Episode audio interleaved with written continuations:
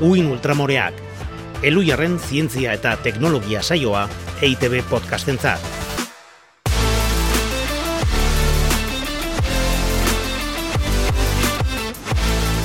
Kaixo, ongi etorri Uin Ultramoreak podcastaren bosgarren atalera. Bosgarren atalera, Ana, horrek esan nahi du, dagoeneko lau egin ditugula, eta entzuten ari bazarete, igual ez dituzue denak entzun, eta interesatzen zaizkizue. Ea, bosgarren hau zer iruditzen zaizuen, eta atzera juteko aukera eukiko dezu. Zer modu zaude, Ana? Ni ondota zuela hitz. Ba, ni primeran, primeran, gaurko gaian, aditua naiz, asko poste naiz, hau izan ziteken zure podcasta, eta ni zure elkarrizketatua, zerta hitz egingo dugulako, Ana? Nola engainatzen dugun gure burua, edo gure buruak nola engainatzen gaituen gu. Ba, horixe, autoengainuaren erregina hemen zuekin izketan, uin ultramoreak podcastean. E, isurietaz arituko gara, ezta? Xuriak, alborapen kognitiboak edo deitzen zaizkionak, azken finean hori denok daukagu barneratuta horrelako mekanismoren bat edo gehiago. Bai, Orduan, bueno, zure koroa hori oso partekatuta dago egia esan, bai, bai. baina mm, oso oso garrantzitsua da, eh, horretaz konstiente izatea, ba, gero, dezera ikitzeko edo Bai, garbitzeko. bai, ere. kendu izateko. Disclaimer bat egingo dugu hasi baino lehen. Bilatu dugu baino ez dugu aurkitu ea sexu edo genero aldetik baute dagoen desberdintasunik. Gizonek eta emakumeok gure burua engainatzeko erabiltzen dugun, erabiltzen ditugun metodoetan. Zein da zure hipotesiana? Bueno, nire hipotesia da, seguru asko genero aldetik egon daitekeela alborapena. Bai, Genero aldetik, ez sexu aldetik. Alegia, gure burmuinak antzeko xamarrak dira, ezta? Alde horretatik bai, alde horretatik ez dut uste, eh? mekanismo horiek seguru asko espeziarenak dira sexu batenak edo bestearenak baino. Baina gizartearen rol arauek eta alegia generoak uste dut pixua izan dezakela, ezakit hortik donan zure... Bai, nire hipotesia erek ere horrekin bat egiten du izan ere zenbat aldiz esan behar izan diozu lagun bati, eh, emakumezko lagun bati, amiga date kuenta, ez da aldatuko.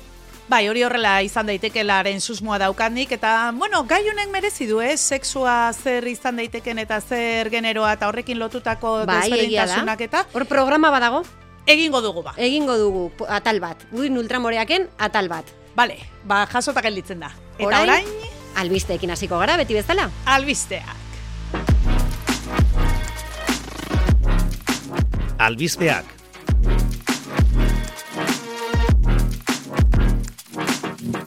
Bazteko minbiziarekin lotutako ikerketa bat. Alaitz, zupaltzenekien tumoreek mikrobiota daukatela. Mikrobiota, nola gure estek bezala, aktimel al- hartzen dute tumorek.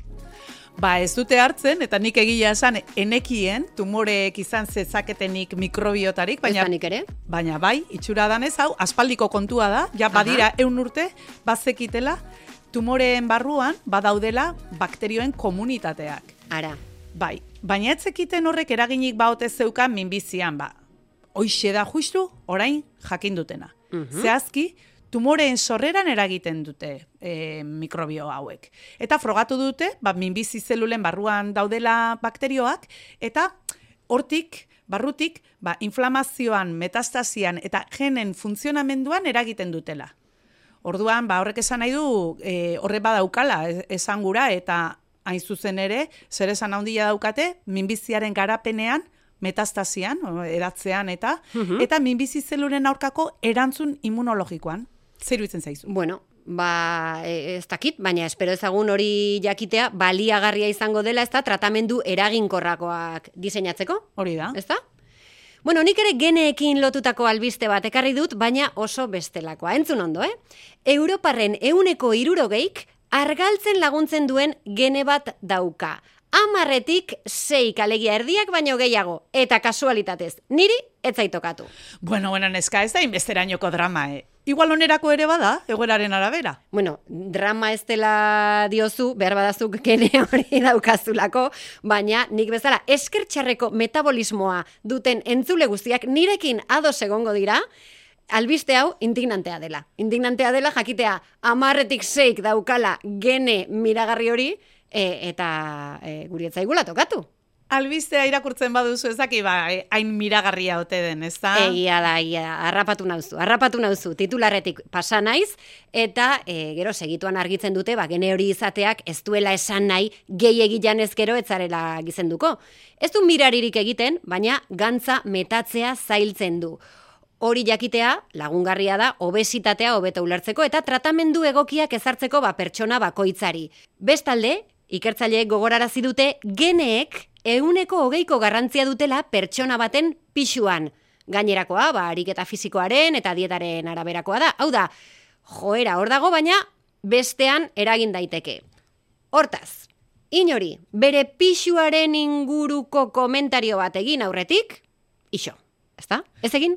Ba bai iso, ze gaina genena bezala bestea ere zazula uste oso erresa da esatea, ba egin ariketa fiziko gehiago Bai. baita denbora nondik ateratzen dut, Bai. edo, jantzazu hobeto ja, baina Bai. nondik ateratzen dik arraia. Gainpixua eta bai. obesitatea e, gauza multifaktorialak dira, Hori da. gauza askok eragiten du, Hori da. eta ez pertsonaren borondateak eta ez dakize. Ez ditugu behar gure gorputzen inguruko komentarioak, ez da? Oso Ixo, laitz. Ixo eta kitxo. Ba, hortikan pasako gera beste kontu batera, bueno, ikusiko duzu. Ea Ba. Flipatu eta utziko zaitu. Seguru Zu baietz. badakizu zer da toxoplasmosia, ez da? Toxoplasmosia, hombre, ba, aurdunaldian txuleta gordina jatea galarazi zidana, adibidez, Ana? Hoixe, hoixe, bada hori, bizkarroi bat, parasito bat, eta aurdun zaudenean, ba, fetoari kalte handia egin diezaiok, eta horregatik, nola, aragi gordinean egoten den, eta katuen bidez ere transmititzen den, horregatik aurdunei esaten zaie, kontu zibiltzeko katuekin eta aragi gordinarekin. Mhm. Ba, bueno, ba, parasito horrek, otxoak ere infektatzen ditu.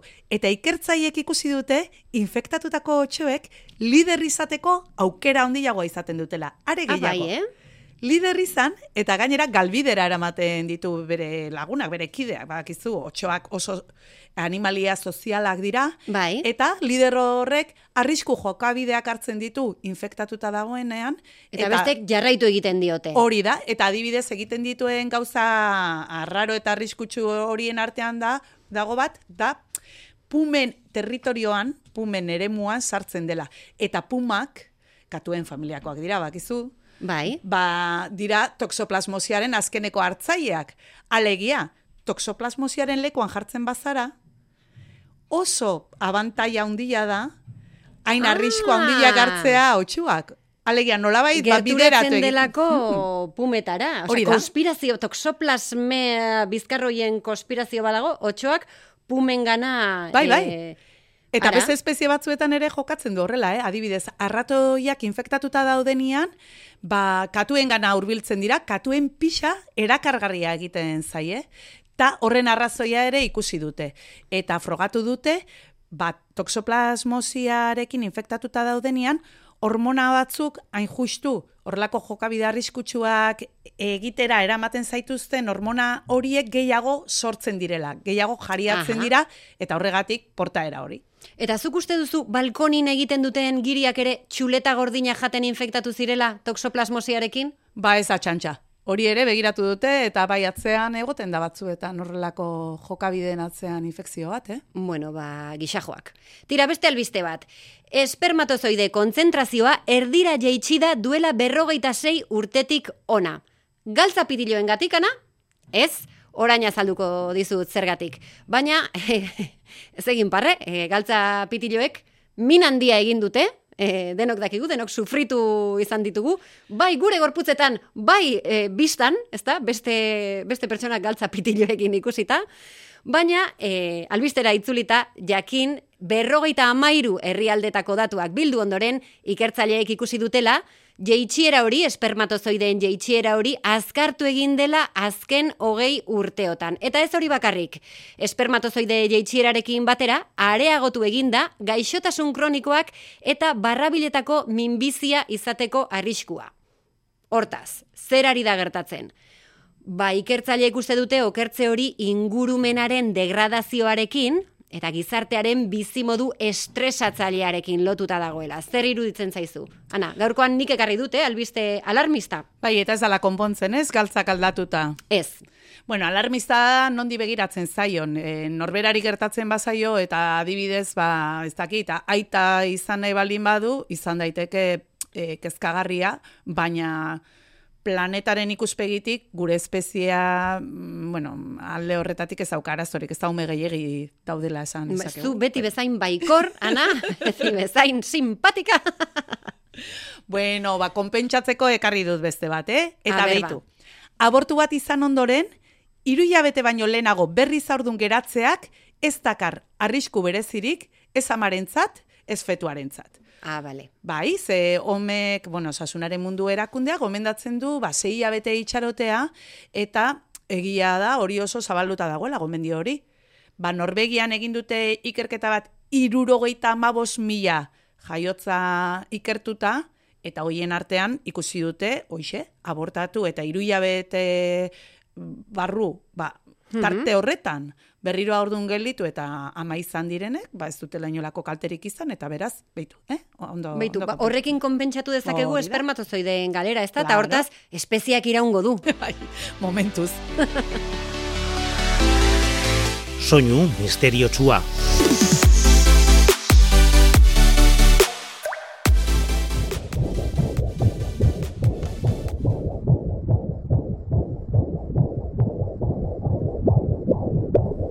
Hau badakit zer den, gaurkoan uste dut asmatu dudala. E, Ana? Ez dakit, e, zure begiradaren gatik e, igertzen saiatzen nahi naiz, ea berdina pentsatzen ari garen, Pista bat emango diet entzulei, ez dakit pistak e, nire bidetik eramango dituen eta bide hori ona den edo ez, baina orain hitzegindakoarekin zerikusia duela esango nuke, bai? Gehiegi esan duzu alaitz. Ah, bueno, bueno, ez nabil oso oker orduan. Aizu, horrutziko dugu, ze hau berez atalaren bukaeran argitu behar dugu eta ez orain. Beraz, bitartean ea arrastoa hartzen diozuen eta goazen urrengo atalera. A ber, zer dator orain, Jon? Uin ultramoreen begirada.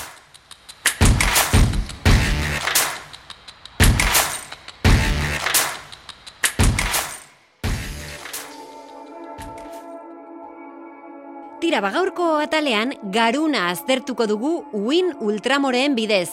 Gure buruak, gu engainatzeko erabiltzen dituen mekanismoak argituko ditugu. Eta mesede, inorrez adila mindu, eh? Gure garunez arituko gara. Eta denok erortzen gara horrelakoetan. Hortaz kontziente izatea gainera onerako da. Horixe baiet, denon onerako gainera, ez pentsa, ze garunak jokatzen dizkigun amarru horiek, anorberaren kalterako ez ezik, besteen kalterako ere izaten dira, konturatzen ez garen arren.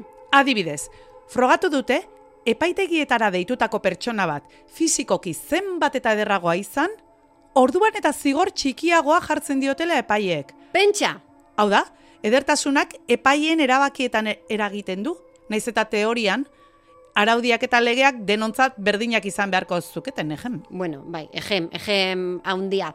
E, ala ere, gure kasuan ana hori abantaila bada gu ezin ederragoak, erakargarriagoak eta sexiagoak baikara, baina klaro, ez da oso bidezkoa, ez da oso bidezkoa besteentzat, ez da? E, eta diferentzia, ez dakit, oso handia izaten da, hau da, gertakari kriminal beragatik epaitzen bagaituzte adibidez, ni neu, eta demagun oso jatorra, baina, barkatu, itxusi mortala den anakleto goikuria. Zenbateko diferentzia egongo litzateke zigorrean, Ana? Ba, kristona, pentsa, gaiari buruzko hogeita zazpi ikerketa aztertu dituzte, eta itxusiaren eta ederraren arteko diferentzia zigorrean, bikoitza izatetik, hiru aldiz handiagoa izatera ere iristen da. Bikoitza edo hiru aldiz handiegoa? Bai, bai. Zigorra? Ba, bost urte berren amar edo amabost ere izan daitezke, Buah. horren arabera. Bueno, bueno, bueno. Ba hori, esaten duzula, orain akordatu naiz, e, pandemia garaian ikusi zutela, maskara eramateak berdindu egiten zituela e, bai azterketen emaitzak, eta baita zerbitzariei utzitako propinak, eh? Alegia, pandemiaren aurretik, ba, gu bezalako guapa eta guapoei, ba, beren aurpegi ederragatik, nota altuagoak jartzen zizkietela, eta gainera, propina edo eskupeko handiagoak jasotzen zituztela e, irakaslea eta bezeroa horretaz kontziente izan gabe, eh? E, eukiz ezaketen behar bada interes kontziente bat, baina kontziente izan gabe ere, hori gertatzen zen. Hortaz, ondorioa garbia da, gure garunak engainatu egiten gaitu pertsona ederrei mesede egiteko. Ba, guk orduan, bizitza soluzionatuta daukagu, ala Bai horixe. Bueno, gu hori dena esaten ari gara podcast hau ez dagoelako YouTubeen. Bestela, ez ginateke ausartuko, ze guapakean esatea bezen pegi biztan egon Nola ez, eh, bueno, bueno, bueno.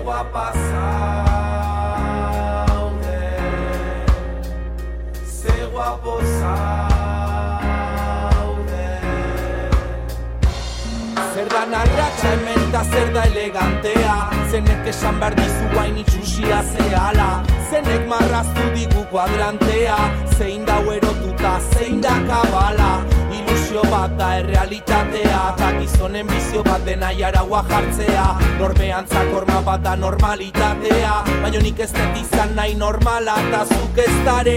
Etzea lako hartalde ontako zifra bat. Etzea sartzen trajen Gezurren saren. Eroitzeie makina bat Goitik datorren papilla jaten. Beldurren aurren Eldu makila eta guazen Pareta mila dauzkeuta gure paren. Eta erresa ez da narren Kareta kenduta zaudenen Ai, ez dakizu ze sexy zauden Ze guapo zauden Mozorroi gabe Tartaldek esan dezala be Ze guapa zauden Horren lotxak gabe Estereotipo danak hausten Ze guapo zauden Mundu hau aldatzen Zure rola Orduan ana nik orain esate baldin badizut, ze guapa zaude. Zer da, egia edo alborapena? ja, izan dugunan ondoren, ja naiz ezer esaten Ez, ausartzen. ez, ez, ni ere- nik ere ez dakit, neuk ere ez dakit, ez naiz nire buruaz fiatzen. Tira, beste alborapen batzuk ere oso ezagunak dira. Niri gehien gertatzen zaidan adibidez, hau da, gai bati buruz aurretik iritzi bat baldin badaukat, eta norbaitek hori bera esaten badit, arrazoi ematen badit, edo nonbaiten topatzen badut, e, eduki hori, egiatzat jotzen dut automatikoki izan ere, arrazoia izatea gustatzen zait, Ke eh, ba. ezagutzen nauen edonork baiestatuko dizuen bezala, evidentzia behar baduzue galdetu. Hori hala da, badakit, eh, ezagutzen dut nire burua, eta horregatik ba ahalegina egin behar izaten dut, aurre iritziak baztertu, eta bestelako ideietara irekita egoteko. Bestela, inoiz ezingo ditut zuzendu nire ideiak okerrak baldin badira. Claro, horregatik niri horitzai gertatzen beine. Zuri batez, zuri. Venga, esango dizut niri ze gertatzen zaidan, hau askotan, eh? Ba, Hola, tipikoenetako bada gainera, eta niri gertatzen zait, ba, gehiago fidatzen naizela gertukoenez, ezagutzen ez ditudanez baino. Ah, bai, niri Bai. guztiz kontrakoa gertatzen zait. Niri Bai. ezagun batek zerbait esaten baldin bait, hau ez dakiz zertako ona da, beti, ez naiz automatikoki pentsatzen dut gezurra dela.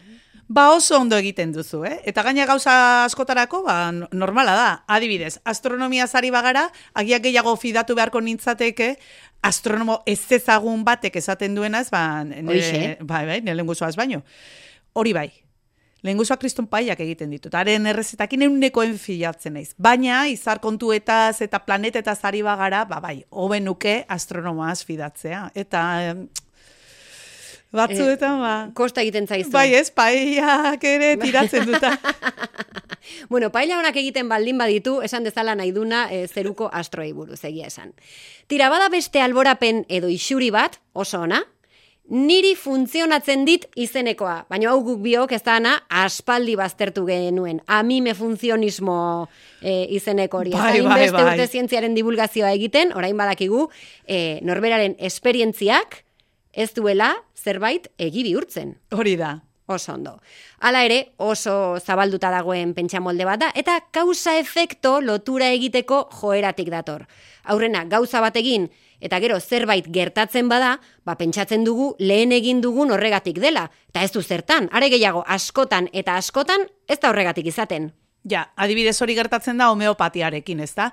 Ez erartu gabe sendatzen den gaixoaldi horietako bat balin badaukazu, baina bolita batzuk edo tanta batzuk hartu badituzu arintzeko, pentsatuko duzu, justu horri esker sendatu zarela. Eta ez, gertatzen zen gauza bakarra zen, zure gorputzak denbora eta lasaitasuna behar zituela bere sendatzeko, eta hori ematen dizute bolatxoak edo tantak. Denbora eta lasaitasuna. Bai, hartu dezu. Bai, bo- bolita horien bila joan zarena, hartu dezu denbora, hartu esan dezu. Orain, Bueno, orain eta- sendatu egingo Eta naiz. placebo efektua ere hor dago, noski. Bai, noski, Hor bai, beste gai bat. Bai, hor beste programa bat daukagu. Gaur e, ideia asko ari zaizkigu bururatzen.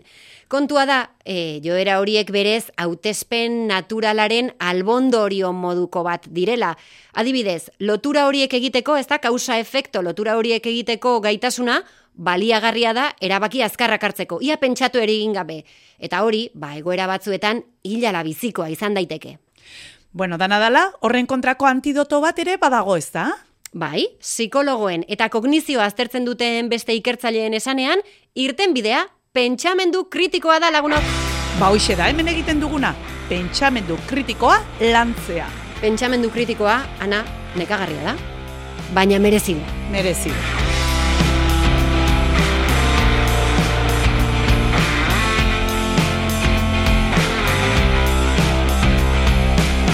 Zeure begiaien zizare Hor geldirik zeren zain zaude. Zeure begiaien zizare. Hor geldirik zeren zain zaude. Pantaien loian sartuta ez da mundua. Baizik zingira batzpuntetan duzuna. Pixel bat aragiko jalaztanen zelu Ziberrain geru zaindari laguna. Zeure bekidaien zizare. Hor geldirik zeren zain zaude. Gizon ala emakume Lana edo festa. No sabe, no contesta Guai edo ez, beltzala xuri erantzuna guk bagenekien aspaldi.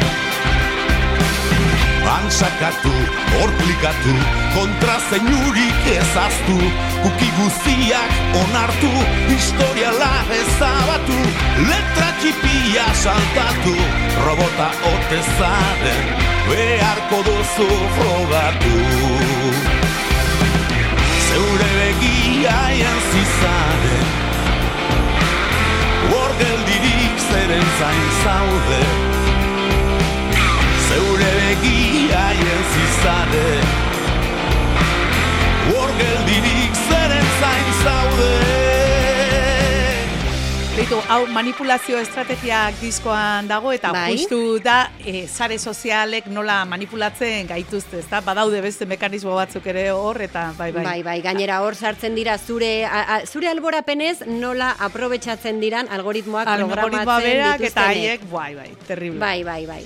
Tira, ba, pentsamendu kritikoa lantzen jarraitzeko, ona hemen askotan entzun dituzuen baieztapen batzuk, ea egia diren, gezurra diren, edo evidentzia nahikorik ez dagoen. Egia, gezurra, ala ez dago nahikoa evidentzia.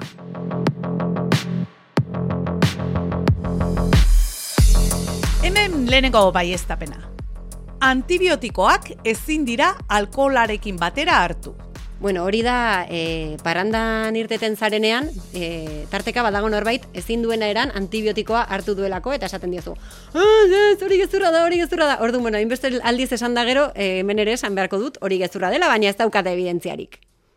Ba egia da, begira. Egia da, Bai, bai, ze alkoholak antibiotikoen eragina apaldu egiten du. Efektu Ah. gutxiago egiten du, eta orduan, bueno, ba, nekezago sendatuko zara, bai, eta Bai. gainera badakizu antibiotikoekin importantea dela, ba, bere pauta, eh, ez, ba, sortzi ordutik sortzi ordura hartzea, edo amabi ordutik amabi ordura, tokatzen den bezala, eta klaro, eta bukatzea agindu dizuen hori e, da, dosi osorik egitea, eta batez ere ez hartzea beharrezkoa ez denean. Hori da. Bueno, bueno, zenbat, zenbat, eh, zenbat aholku, zenbat aholku.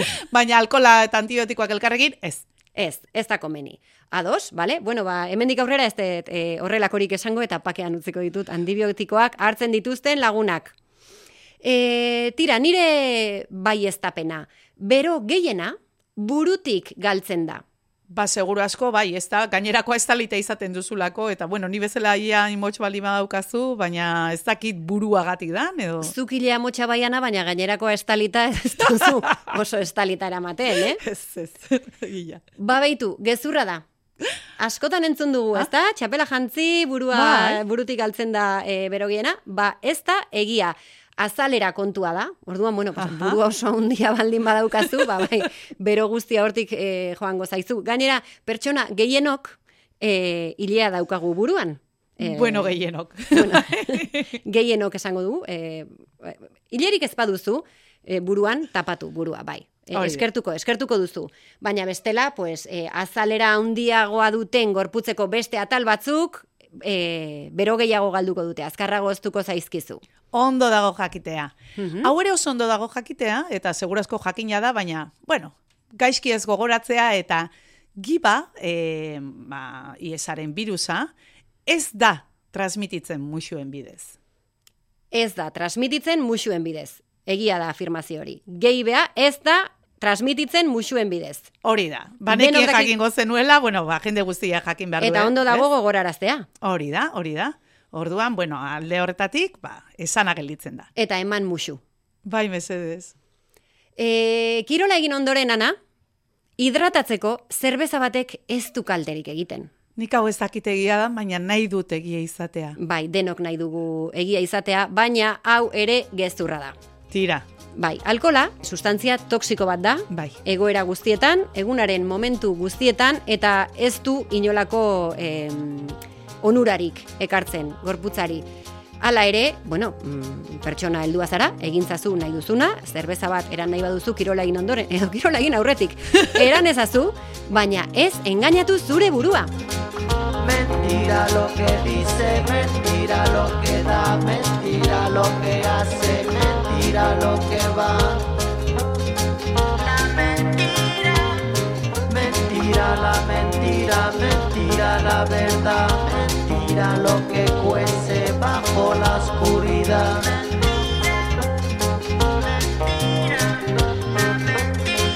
Mentira el amor, mentira el sabor, mentira la que manda, mentira comanda.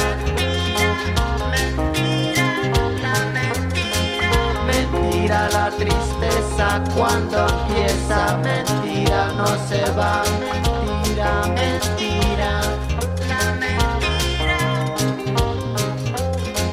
Mentira no se borra, mentira no se olvida, mentira, la mentira.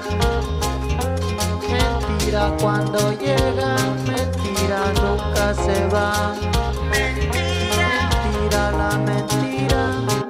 Mentira la verdad.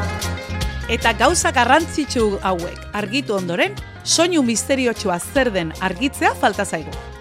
Asmatu duzula esan duzu alaitz, baina berriro jarriko dugu badazpada ere, ezta? Venga, venga, jarri.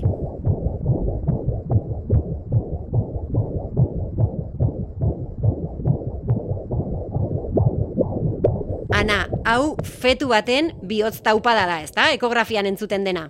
Oso ondo, bai, bai, Ah, asmatu duzu. oe, oe. Bai, bai, justu sortzi asterekin egiten duen soinua da, eta orain bai, honekin amaitu dugu. Amaitu dugu e, fetu baten bihotz taupadarekin oso polita, ezta? Polita. Bueno, kredituak aipatzea besterik ez zaigu falta. Ana Galarra gaiestaran eta alaitz otxoa de eribe agirre ibili gara hemen, gidoilari eta esatari lanetan, eta egoitzetxe beste aduriz edizioan. EITB podcasten izango duzu entzungai. Uin ultramoreaken atalau eta beste guztiak ebai. Baita zuen plataforma gustokoenetan ere eta zientzia.eu zen.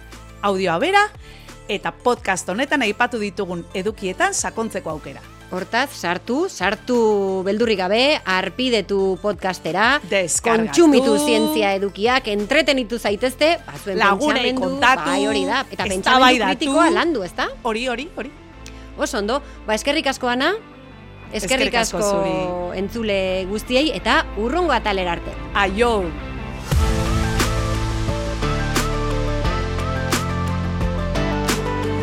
Uin ultramoreak